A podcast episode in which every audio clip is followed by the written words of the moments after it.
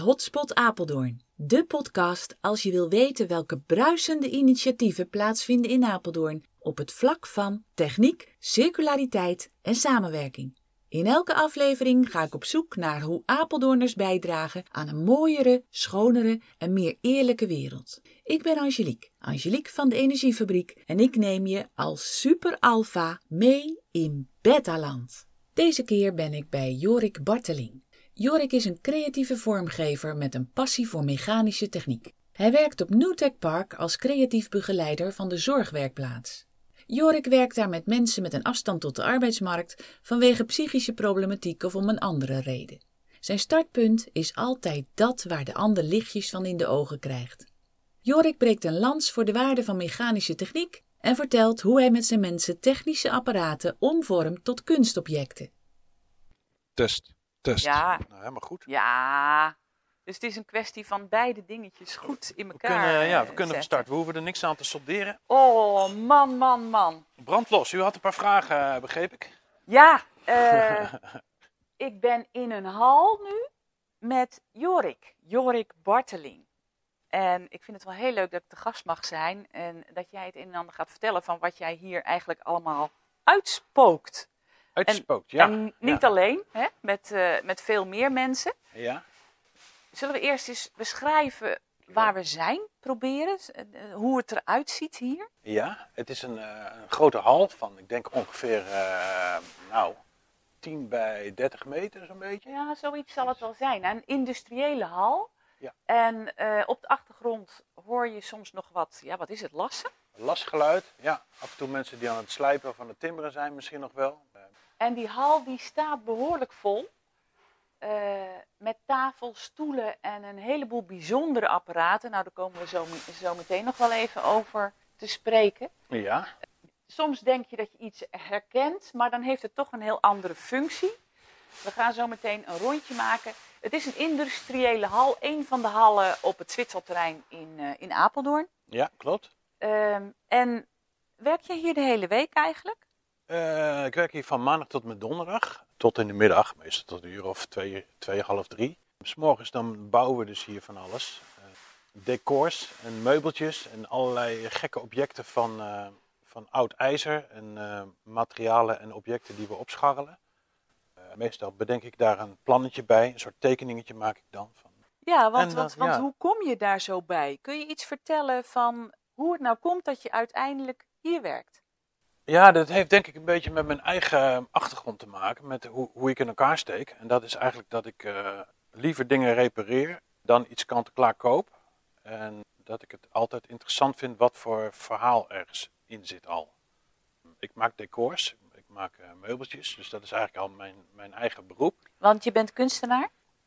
Ja, zoiets. Ja, je zou het kunstenaar kunnen noemen, vormgever. Ja, ik vind een kunstenaar altijd een beetje een soort eh, hokje weer. Dus eh, ik maak graag dingen. Ik ik bedenk graag dingen. Dus ja, dan zou je kunnen zeggen dat ik vormgever ben. Ik En, ben eh, één keer langs je huis gereden en daar stond een groot bord, daar stond op vormmaker. ja, ja, dat klopt. Een, een, eh, een, een eh, bevriende glaskunstenaar, eh, Arnoud Visser, die eh, noemde zichzelf eh, vormvinder. Die vond ik eigenlijk nog iets beter. Dus een kruising tussen vormgever en uitvinder. En Oh, zo, ja. zo, zo voel ik het ook wel een beetje. Dus ik vind het leuk om oplossingen te bedenken, om, om eh, iets handiger te maken, eh, van iets, iets nieuws maken eigenlijk. En Van dat- iets ouds iets nieuws iets maken. nieuws maken, ja. Ja. Ja, ja, Of van het ene iets anders maken. Dus je kan van, van, een, eh, van een gastank kun je een barbecue maken bijvoorbeeld. Of je kan van, van een buis kun je een lamp maken. Ja. Je kunt allerlei... eh, Maar hoe ben je daar nou zo toe gekomen? Als kind eh, of ben je naar de kunstacademie gegaan? Eh, was je altijd al aan het knutselen? Vroeger wel heel veel met eh, Meccano en zo eh, dingen aan het maken.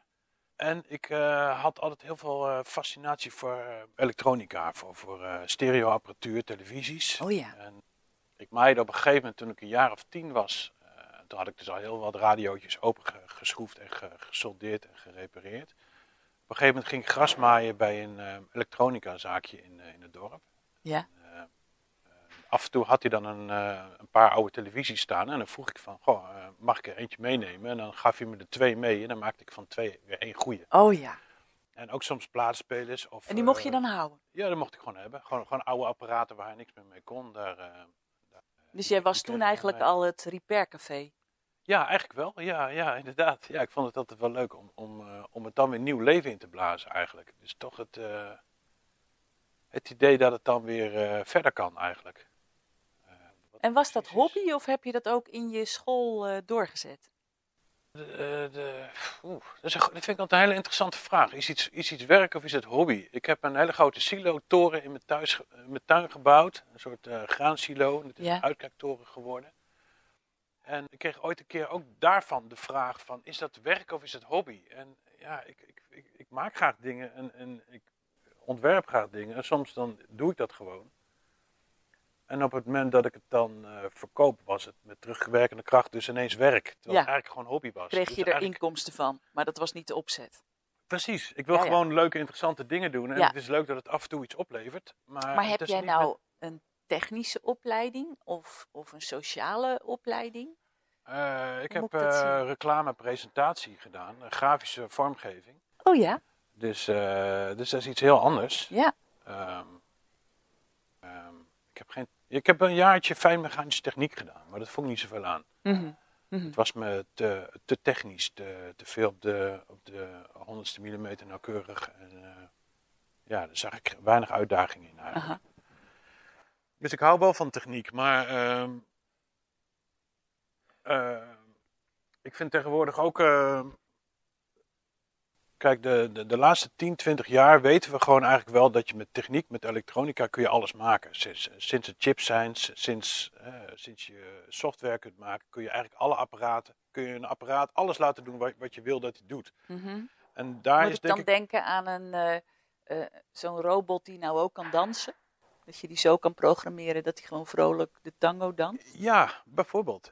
Daar kijk je niet meer van op. Een, een, een auto zit vol met elektronica die alles voor je over kan nemen. Eh, je kan een, Ja. inderdaad, je kan een stofzuiger maken die, die, die je huis dagelijks stofzuigt. Ja. Dus ik, vind het, wat dat betreft, vroeger had ik die, die fascinatie voor plaatsspelers bijvoorbeeld. Dat die, dat die zelf kon zien dat, wat voor plaat erop ligt. Doordat er een of ander eh, nokje wordt ingedrukt en dan wordt er ergens binnen een of ander mechaniekje ingedrukt. Waardoor die weet van, oh dit is een langspeelplaat en dit is een singeltje. Dus ik weet waar de arm heen moet gaan. Ja.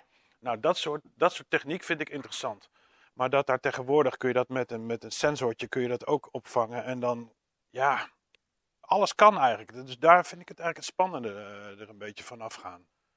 Hoe bedoel je dat nou? Ja, je hoeft niet heel slim iets in elkaar te zetten. Dus eh, eigenlijk eh, ja, zit het er misschien in het mechanische dan. Dat, dat, je, dat je dus met mechaniekjes kun kon je vroeger, werden apparaten als het ware slim. En konden ze eh, dingen doen. En tegenwoordig is het gewoon een printplaatje met een chipje. En je programmeert, dat, je pro- programmeert wat je wil dat, dat hij doet. En dan Ja. werkt dat gewoon. Ja. Het is een soort- het dan een beetje romantiek of zo? Ja, dat denk ik ja. Oh, Ik denk dat dat het eigenlijk is. Dat, dat je, ja, het is simpel om te maken en je programmeert het en het is klaar. Ja, het, is, het mist inderdaad romantiek, denk ik, ja.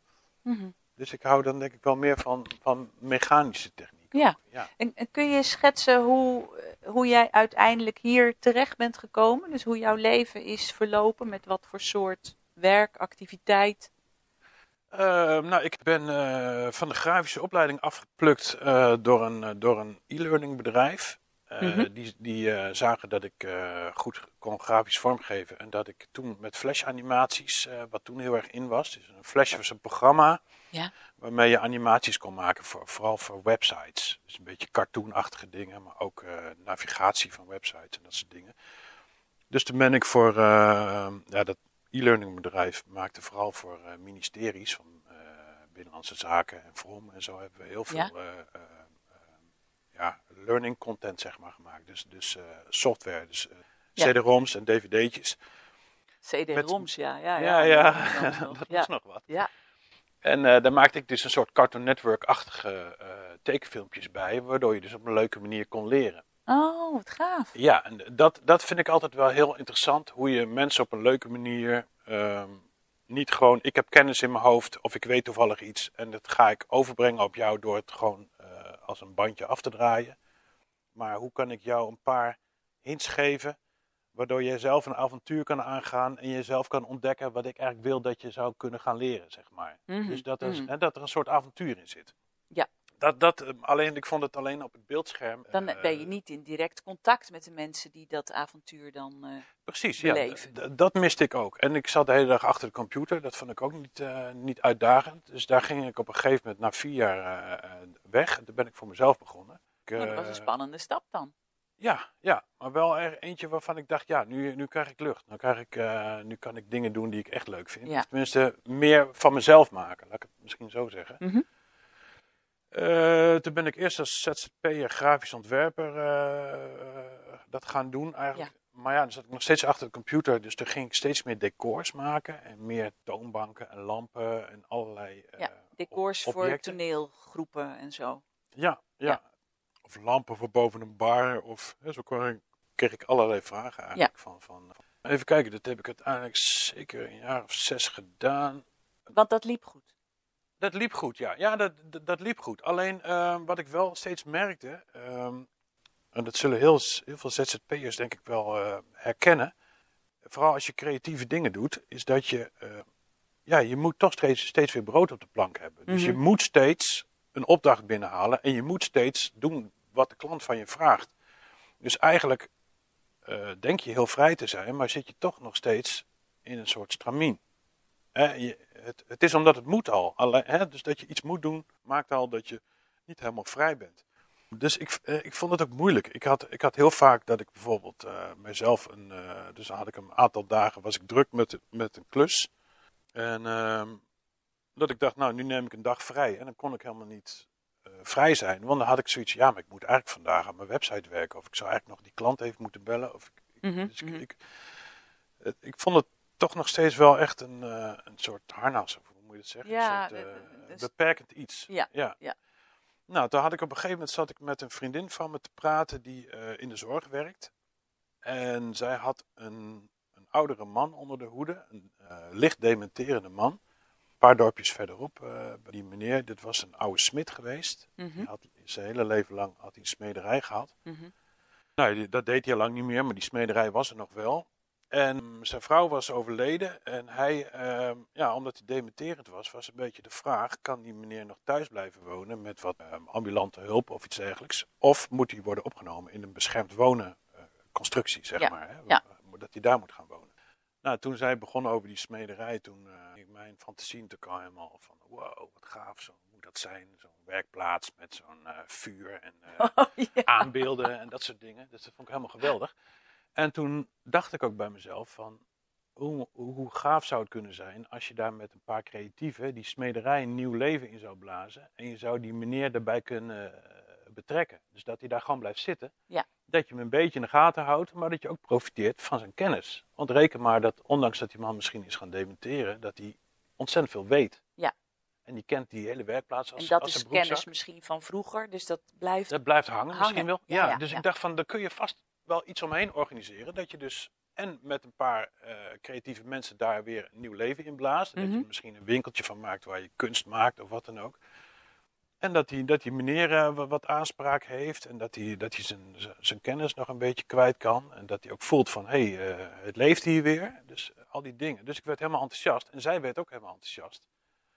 Nou, in die tijd gaf ik al wel workshops eh, op AZC's eh, door het land. Dus ik deed al een beetje wat begeleidingachtige dingetjes. Ja, Toen hebben we ehm, online een profiel aangemaakt op een website waar je zeg maar eh, zorg en, en begeleiding kunt aanbieden, maar waar mensen die zorg of begeleiding nodig hebben ook dat kunnen vragen. Een soort marktplaats zou je Ja. kunnen zeggen. Ja. Met vraag en aanbod. En daar Ja. heb ik een profiel op aangemaakt van cre- creatieve begeleiding.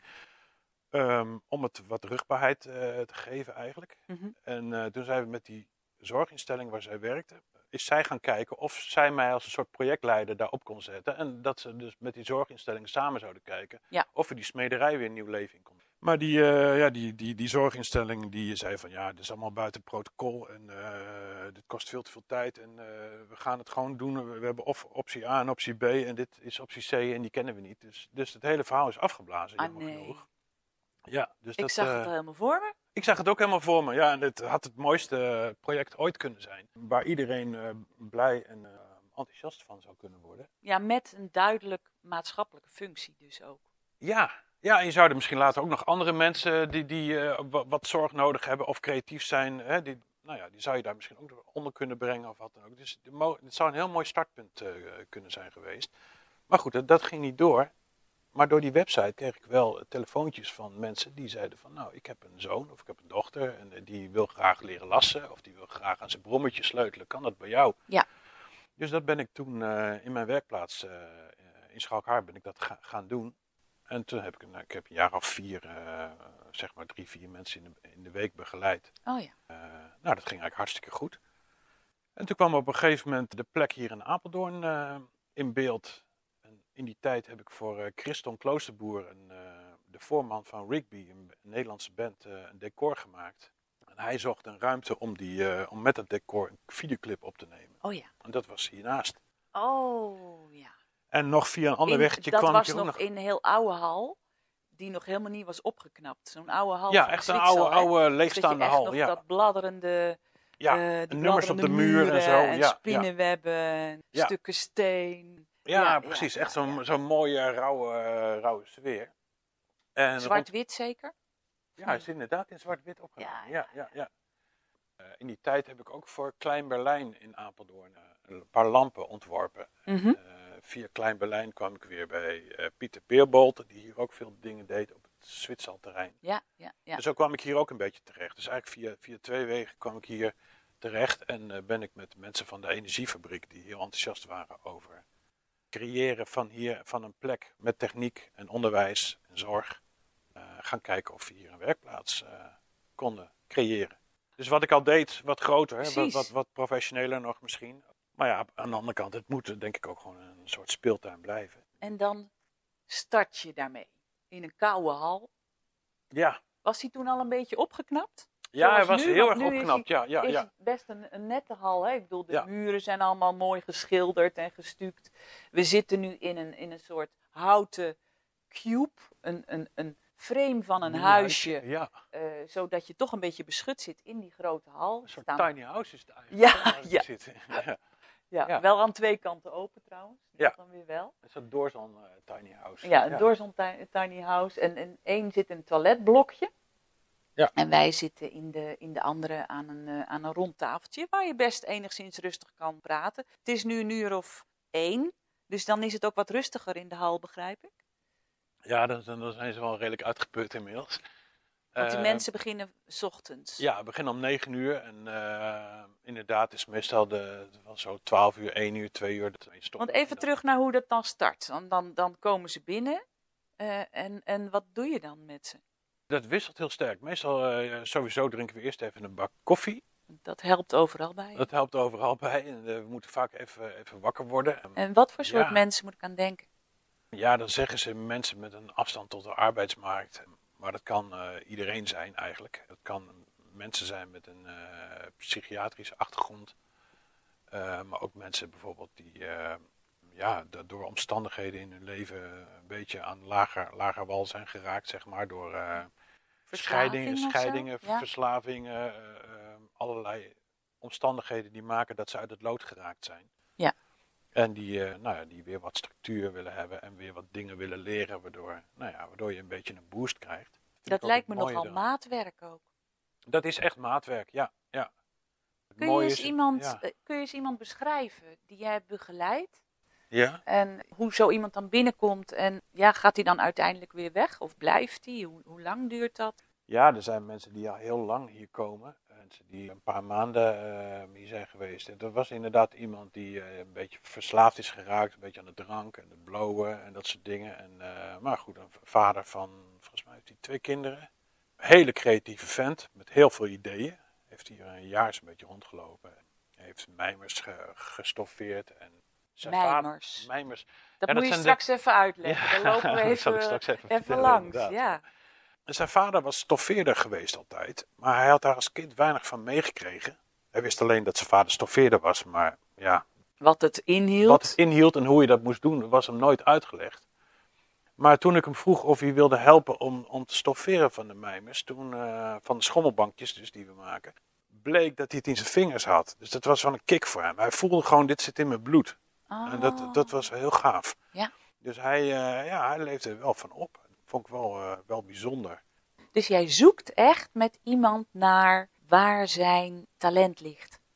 Ja, eigenlijk vooral waar zijn hart sneller van gaat kloppen, denk ik. Dus hij waar leuk ze- vindt om Wat te hij doen. leuk vindt, wat, wat, Ja. wat, wat hem uitdaagt. En ik kijk een beetje wat, wat ik zoek eigenlijk ook. Mhm. Dus eh, dat probeer ik bij elkaar te brengen. Dus het is ja, een beetje zoals een kok in de keuken soms. Dan heb je een bepaald project en dan kijk ik van, oh, die is wel handig. Die zou misschien wel een beetje kunnen leren lassen of die zou dit kunnen doen. En dan iemand anders die is meer van, van, het, van het bouwen of het fijne motorische, hè, eh, Ja, ja, ja. fijne motoriek, zeg ja, maar. ja, ja, je maakt nou een beweging alsof je iets heel kleins Ja, tussen je vingers tussen eh, wel in elkaar aan het priegelen ben.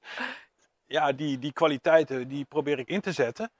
Eigenlijk gewoon ook voor mijn eigen voordeel. Hè? Want hoe, hoe beter ik mensen in hun kracht kan zetten, hoe, hoe, hoe meer ik eh, voor elkaar kan krijgen. Hoe mooier de, eh, de dingen zijn die we kunnen doen. Daar waar je denk ik in de zorg juist vaak ziet dat, dat er een soort profiel ontstaat van nou, dit is jouw beperking. Dus je moet vooral uitkijken dat je niet met prikkels in aanraking komt. Dat je structuur krijgt, dit en dat en dat. Dus je Ja, krijgt ja, ja. allemaal eh, beperkende Je voorwaarden. krijgt iemand inderdaad binnen zijn beperkende kader Stramien binnen, binnen. ja, ja. Alleen ik weet vaak heel weinig over hun achtergrond. Wat gewoon heel vaak, in mijn, wat denk ik in mijn voordeel werkt. Want ik ga heel blanco erin en dan gaan we iets proberen. En dan komt tijdens het project of tijdens dat iemand bezig is, loop ik tegenaan van nou die heeft moeite met, met structuur of met op tijd komen of met zelfvertrouwen of dat soort dingen. Dus, dus dan loop je er tegenaan. Maar op het moment dat je samen iets gaafs aan het bouwen bent, loop je daar op een andere manier tegenaan dan wanneer je gewoon eh, vanuit de zorg om, om dagbesteding te krijgen, bla bla bla. En dan loop je weer tegen jouw eh, eh, Mhm. beperking aan, zeg maar. Dus ik denk dat je hem een stuk positiever tegenkomt en dat je veel beter gemotiveerd wordt om, om er overheen te stappen, om ermee aan het werk te gaan eigenlijk. En zo heb ik al heel vaak gehoord van, van trajectbegeleiders van, van goh, wat kan? Kan Jantje nu ineens dit? Maar dat gaat toch helemaal niet, want hij heeft daar heel veel moeite mee. Ja, dat Oh. is- gebeurt heel vaak. En dat merk je zelf natuurlijk ook. Dat als Maar je, wat is daar dan de sleutel van? Dat praktische? Nou ja, ik denk als je bij jezelf kijkt waar je moeite mee hebt. Op het moment dat je bijvoorbeeld moeite hebt om met de computer om te gaan. Hè, en je bent er bang voor. Of, of, of je houdt van, eh, je, je hebt moeite met kleine elektronica of zo. Ja, Eh, Opname, noem maar een zijstraat. opnameapparatuur. Ja. Maar je wilt toch graag een leuk interview afnemen. Of je wilt toch graag iets, iets moois maken. Of je wil iets leuks doen. Dan ga je er toch mee aan de slag. Dus je krijgt net dat setje. Ja. Doordat je iets wil bereiken. Ja.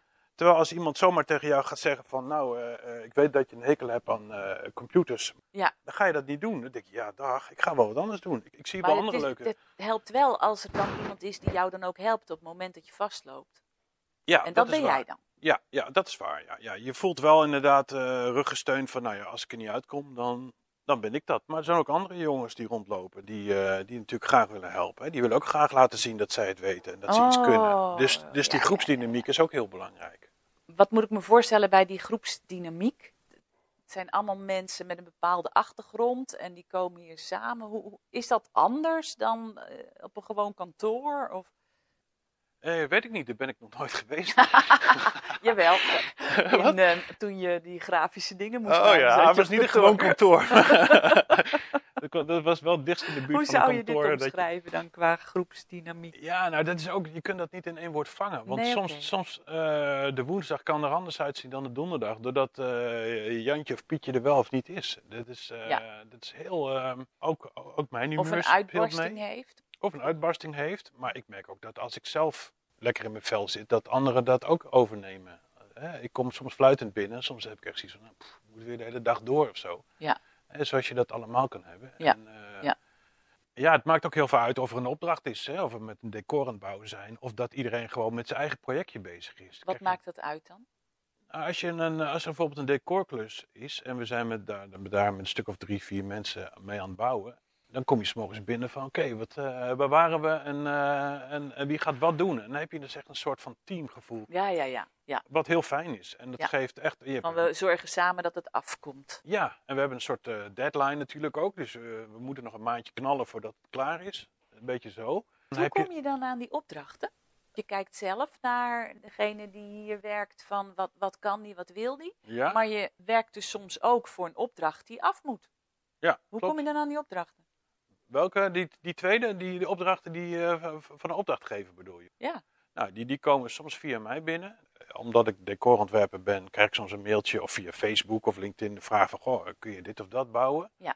En dan kan ik het soms zelf doen, of soms ehm, dat ik een klein stukje door de mensen hier laat maken en dat ik zelf een groot deel doe. Mhm. of, of dat ik het helemaal hier doe, afhankelijk van het niveau van de klus of hoe het in elkaar zit of hoe technisch het is of wat dan ook, maak ik daar een soort van keuze in.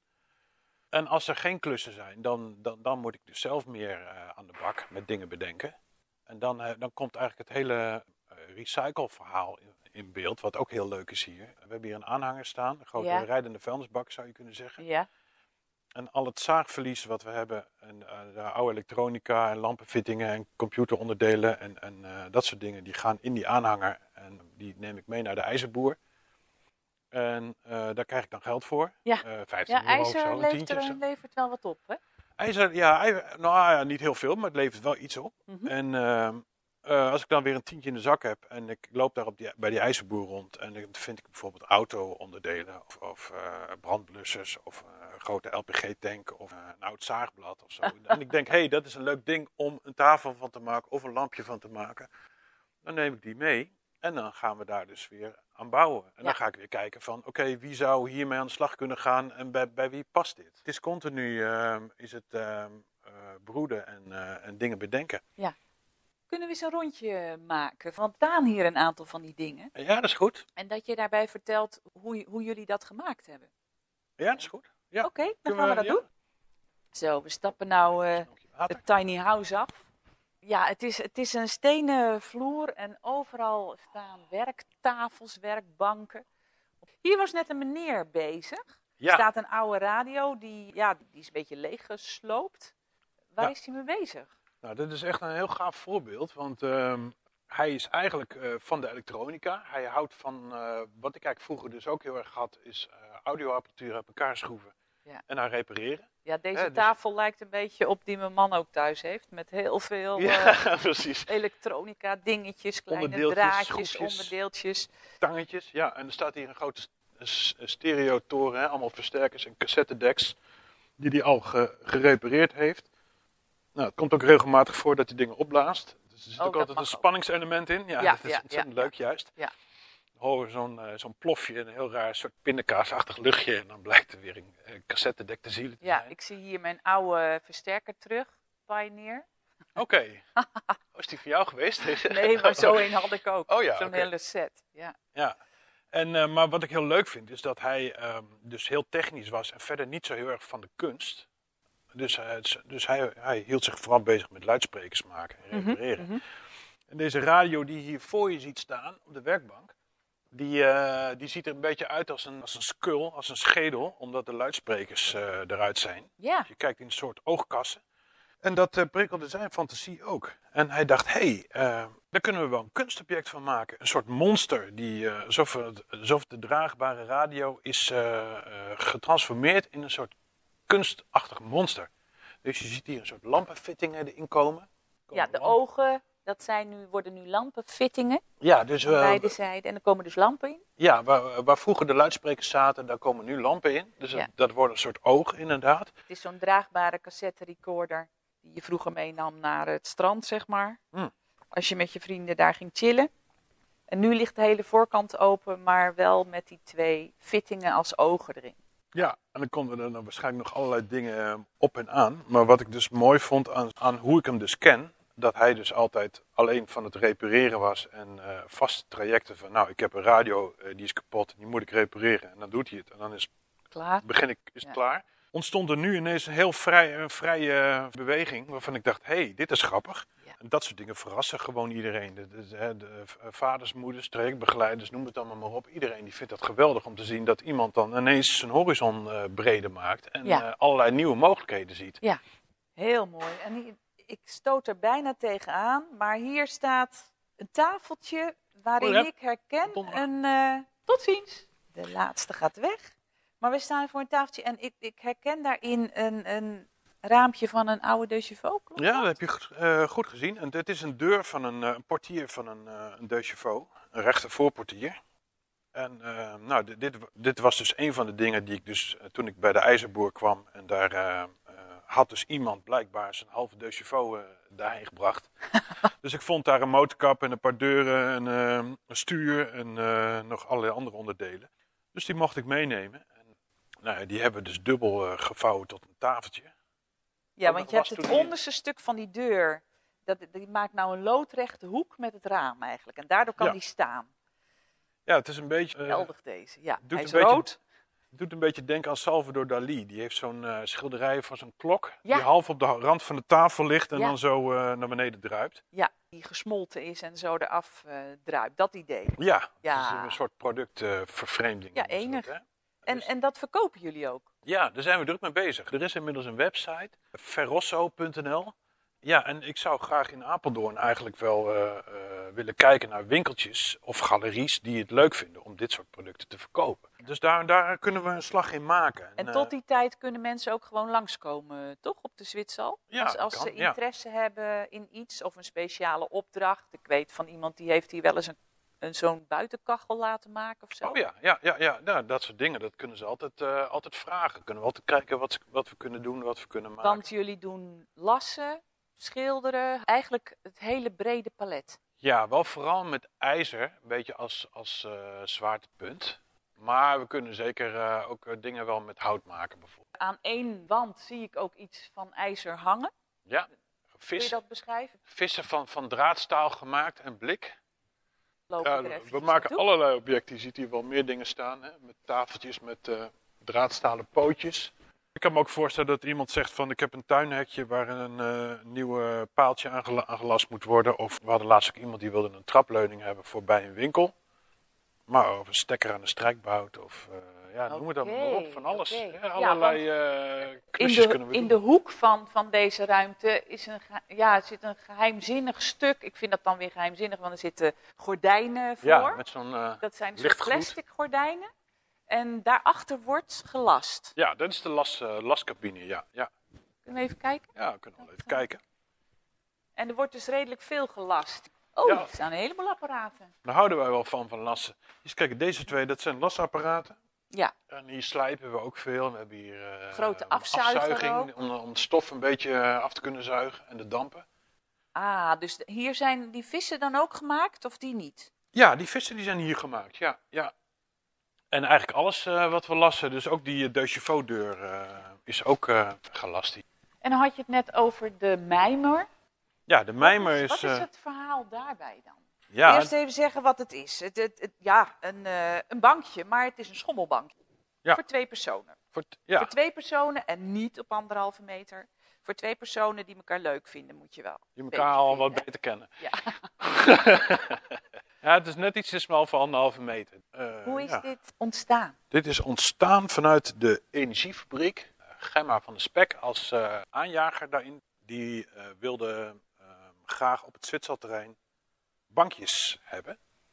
Zodat Ja. mensen worden uitgedaagd en uitgenodigd om elkaar te ontmoeten, met elkaar te praten, contact te maken. Ah, dus, dus het idee van de ontmoeting zit erachter. Die zitten achter, ja. ja. Zij vroeg dus op een gegeven moment aan mij of ik een bankje kon ontwerpen en of we dat hier zouden kunnen maken. Daar is dus een crowdfunding eh, project van gemaakt om dus het, eh, het ontwerp te betalen en de, eigenlijk het prototype zou je kunnen zeggen. Ondertussen waren wij met een project bezig, want hiernaast zit de Phoenix, de kringloop. Ja. En die, hebben, die hadden een hal met eh, heel veel meubels, projecten, objecten die eh, niet meer te verkopen zijn. Omdat ze gewoon uit de mode zijn, albollig, maar Ja, nog ja, wel werken. Ja, en die hadden mensen daar gebracht, maar zij kregen het ook niet meer verkocht. Zij kregen De het ook- kringloop nee. kreeg het niet meer verkocht. Precies, dus dat, dat heb je heel vaak natuurlijk met producten die in principe Ja. nog goed zijn, maar gewoon uit de mode. Ja, Nou ja, daar-. Daar heb ik een, eh, een, een, eh, een object uitgepakt wat ik het meest onaantrekkelijke ding vond wat er stond. Waarvan ik dacht, nou dat kun je inderdaad niet verkopen. Een kantoorstoel. En dat was een eh chrome kantoorstoel met bruine bekleding. Super saai, echt als je er naar kijkt dan val je al in slaap. En we dachten, wat kunnen we daar nou eens aan toevoegen? Dat je toch weer een verkoopbaar product zou kunnen maken. En zo ga je natuurlijk zitten denken aan de kleur. Kun je er een ander stofje op doen. Je kan een andere kleur geven. Je kan zeggen van ik maak het tafeltje op. Zodat ik eh, bijvoorbeeld eh, met mijn laptop erop kan werken en zo. En toen dacht ik van nee, nee. Het moet eigenlijk juist een soort re- relax ding worden. Waar je mensen uitnodigt om te ontspannen. Dus toen kwamen we op het idee om eh, deze buizen aan de onderkant buizen eronder te lassen. Waardoor het een schommelstoel werd. Oké. En zo werd het dus van een saaie stoel werd het toch wel weer een grappig ding. Met kwam- een heel andere functie eigenlijk. Want in Ja. plaats van dat je gaat werken, In plaats van actief word je je inderdaad een beetje. ontspannen. Ja, ga je, kun je lekker op je verandaatje ermee zitten of wat dan ook, of in je tuin. Of op je- En toen Gemma dus kwam met die eh, vraag van die bankjes, toen dacht van ja, maar dat wil ik wel doen, maar dan wil ik wel dat het schommelbankjes worden. En zo is eigenlijk weer dus de, de mijmer ook weer uit een experiment ontstaan. oké. dus En- de- en toen is er dus de naam mijmer bij bedacht. Dat je kan mijmeren. Ja, eh, dat kwam Ja. doordat ik vroeger in een eh, arbeidershuisje woonde. En eh, tussen die arbeidershuisje had je vaak tussen de voordeuren een bankje zitten. En dat heette een konkel. Konkel. Een konkel. Oftewel, dan kun je met z'n tweeën op konkelen. Hè? Oh, dus de, de, de, de, de Ja. twee vrouwen die kwamen tussen de middag tijdens het dweilen van de gang even bij elkaar van... hé, hey, eh, hoe is het bij jou? En dan even kletsen over de buurt, zeg Ja, maar. ja. Dus daar kwam het konkelen denk ik vandaan. En toen dacht ik, hé, hey, als we dan een eh, bankje maken waar je op kan mijmeren... dan is de naam dus De Mijmer. Mijmer. zeg maar. Ja. Ja, ja, ja. En er staan er een aantal van hier. En je hebt er ook verkocht. Ja, we hebben er een flink, flink aantal eh, verkocht. Dit is met, met bekleding. Die maken we inmiddels niet meer, omdat het gewoon voor buiten niet zo praktisch is. Maar de, de versie met de plankjes, eh, ja, dat gaat eigenlijk wel erg goed. En dat is een, eh, mooi stevig ding. En die kan lekker buiten staan. Die kan bij lekker iemand buiten in de staan. tuin of in een park. Kan Zelfs hier in de tuin van de Zwitsal. Daar is iedereen ook van harte welkom, begreep ik. Om, eh, Ja. als het fijn weer is, daar even lekker te Ja, mijmeren. dat- precies, ja. Ja. mijmeren, Ja, dat ja. zou leuk zijn. En had ik er nou ook een in het gemeentehuis zien staan? Ja, klopt. Er staan er ook twee Ja. volgens mij. Twee of drie hebben ze daar. Oh, Ja, ja, gaaf ja.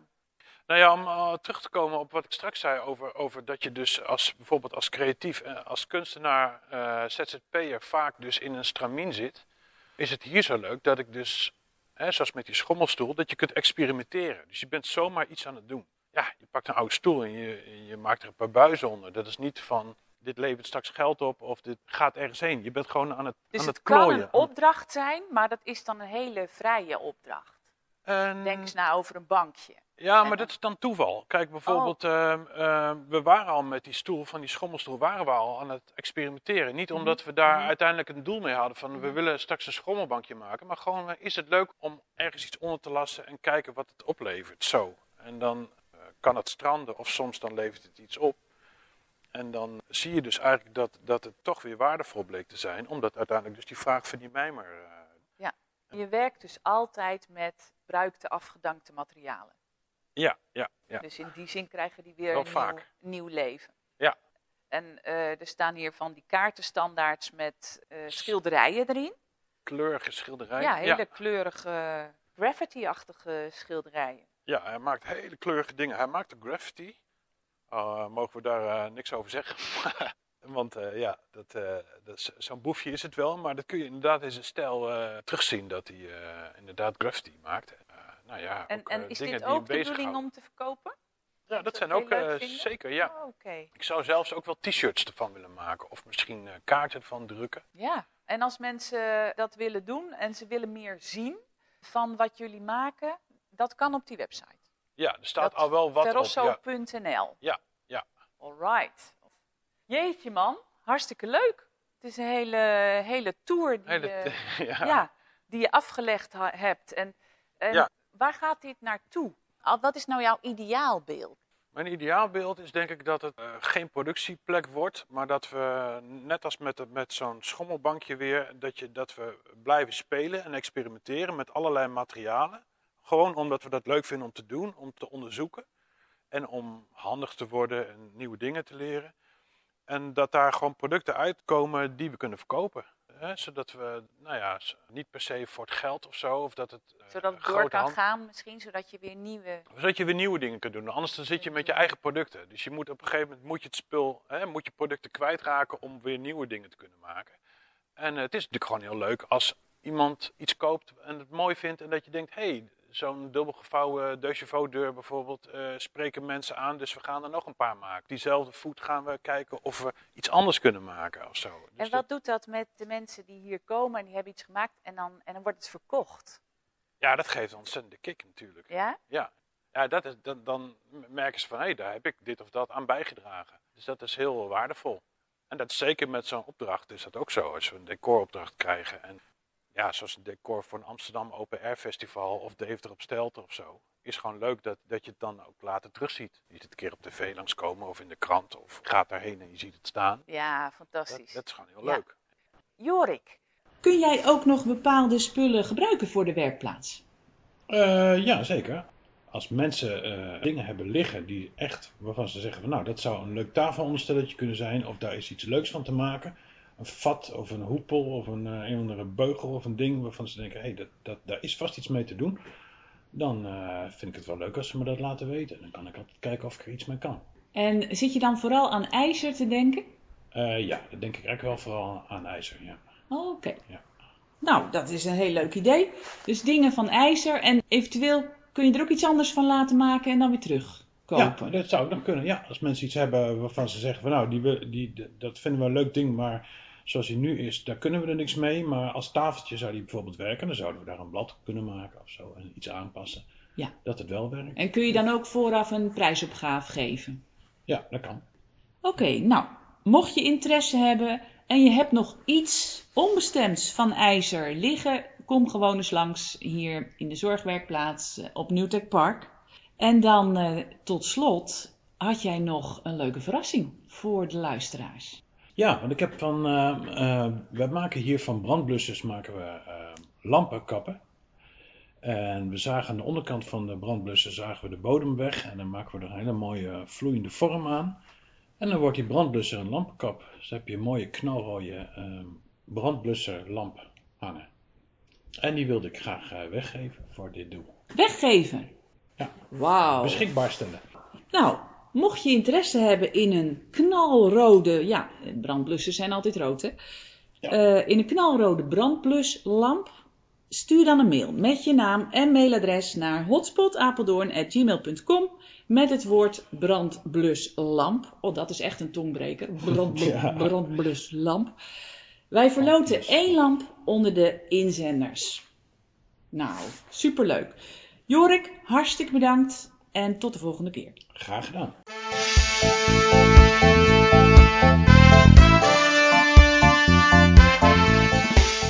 Dankjewel voor het luisteren naar Hotspot Apeldoorn. Helemaal top. Wil je geen aflevering missen? Abonneer je dan op Hotspot Apeldoorn via je podcast-app. Als je ook vindt dat er meer techniek, circulariteit en samenwerking in de spotlights mag komen, laat dan alsjeblieft een review achter op de podcast-app die jij beluistert. Heb je zelf ideeën voor deze podcast of heb je misschien een inzicht opgedaan dat je wilt delen? Helemaal leuk, laat het me weten. Mail naar hotspotapeldoorn@gmail.com en dan is pot met de D van podcast. Nogmaals super dank voor het luisteren en tot de volgende aflevering.